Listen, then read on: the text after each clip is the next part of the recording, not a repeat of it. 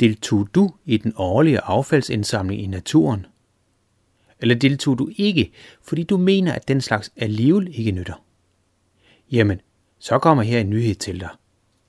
Der blev fundet masser af takeaway-emballage, mundbind og anden skrald, da både børn og voksne i hele landet deltog i Danmarks Naturfredningens årlige affaldsindsamling. Det var ikke så lidt, der blev indsamlet, og naturen samt vi andre blev sparet for 167 tons affald. Altså et bjerg af skrald. 120.000 pizzabakker og andre fastfood emballager, 52.000 mundbind og 87.000 tomme dåser. Vidste du i øvrigt, at netop dåser udgør et særligt problem for f.eks. køer og andre græsædende dyr, som heste? Når en dåse kommer i en høst- eller slåmaskine, bliver den slået til stumper. De stumper kan f.eks. en ko risikere at æse i græs og så lide en utrolig pinefuld død. Det sker faktisk alt for ofte.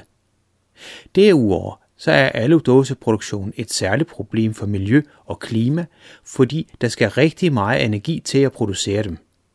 Derfor er det også særlig vigtigt, at dåserne med eller uden pant ender i flaskeautomaten, så de kan genbruges.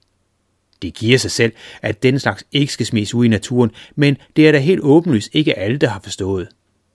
Det samme gælder også anden skrald.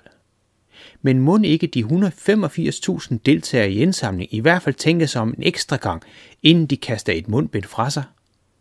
Måske er den effekt større end den indsamlede skrald, selvom der blev indsamlet 167 tons, som nævnt.